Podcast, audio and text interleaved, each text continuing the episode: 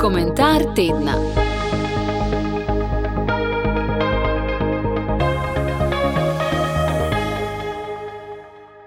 Slovenska krščanska samozavest. Najprej je treba načelno podariti, da je družbeno-politično delovanje kristijanov sestavni del krščanskega oznanjevanja. Kakor so se levičarske tako imenovane civilne organizacije opredelile za tako imenovano svobodo, smo tudi kristijani in ostale demokratične civilne družbene organizacije upravičeni in dolžni, da se odzivamo na družbene probleme. Škofje in duhovniki sicer s tem tvegamo, da crkv lahko kdo razume kot podpornico določenih družbenih usmeritev vendar načelno to sploh ni vprašljivo. Saj se je crkva vso zgodovino, bolj ali manj uspešno, kritično opredeljevala do družbenih tokov in jih tako poglabljala ter jih prežemala s krščanskim pogledom na spoštovanje človekovega dostojanstva. Poglabljala je judovsko postavno pikolovstvo, prekvasila grško pamet in rimske kulturno-pravne temelje s sočutjem, spoštovanjem osebe in dialoško držo. Krščanska misijonska zavest je povsod v družbah uveljavljala načela svobode in spoštovanja dostojanstva vsakega človeka. Posebej zapostavljenega, odrinjenega in prizadetega, naprimer otrok in žensk.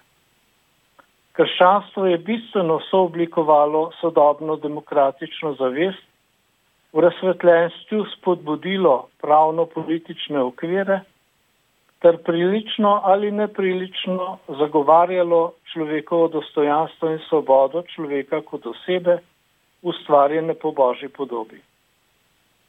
Vnašalo je človeškost in svobodo v omejene in pogosto tudi zaprte, zatrte, ali zasužnjene okvire življenja človeka in družbe v avtoritarnih in totalitarnih sistemih. Kakšen nesmisel poslanec svobode se v hramu demokracije klanja diktatorju, ki je odgovoren za pomor milijon življenj in večina od njih se je kot Erlich borila ravno zato, da bomo Slovenci in drugi narodi živeli v svobodni državi teh pa se ob obletnici povanih pomorov ne spomni. Krščanstvo je bilo ne glede na stran poti kakih crkvenih ljudi vedno podpornik usmeritev in strank ter organizacij, ki so zagovarjale svobodo, pravičnost, vzajemnost, sodelovanje in spoštovanje drugih.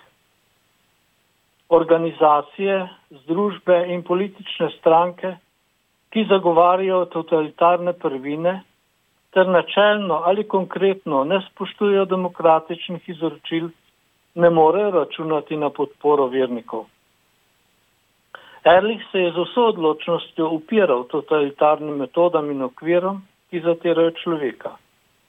Nemško nacionalističnemu nasilju na Koroškem, fašistični in nacistični okupaciji in revolucionarnemu komunizmu.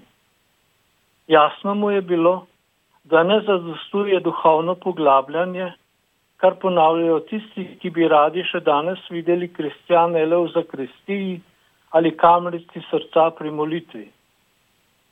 Mladci so krščanstvo razumeli zgolj duhovno, usmerjeno v nebo, čeprav so se dejavno uprli potem tudi revolucionarjem. Z enako odločnostjo je Erlich kritiziral krščanske socialiste in vse druge, ki so se prepustili nad vladi komunistov in v imenu revolucije pobijali rojake. Stražarje je vzgajal z osebnim duhovnim asketskim zgledom in v stalnem duhovnem, človeškem in družbeno angažiranem dialogu spodbujal k uveljavljanju demokratičnih načel in pravil ter k stalnemu oblikovanju strategij družbenega delovanja.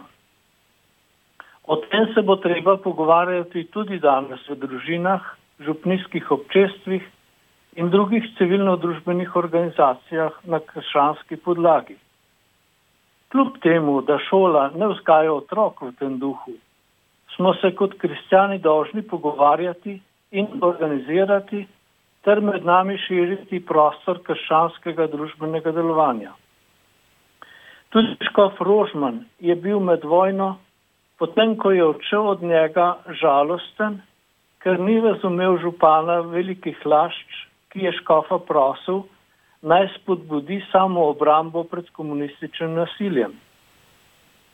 Tudi kristijani se smemo in moramo postaviti na svoje noge, se boriti za svoje pravice in svoj prostor pod soncem v samostojni slovenski državi, ne bomo pa se prepustili, da smo zgolj transmisija oziroma socialistična zveza postkomunističnih struktur in trdnjav.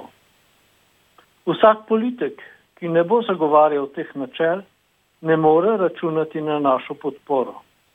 Vesel sem, da tudi gospodarstveniki, kot naprimer gospod Boskarol, spoznavajo, da se je treba ustrezno zauzeti in žrtovati za demokratično Slovenijo, ne le svoj ugled, pač pa tudi sredstva, če jih imamo. Elih in številni drugi so zato zastavili vse, celo svoje življenje. Komentar je za vas zapisal in prebral Janez Juhan. Komentar tedna.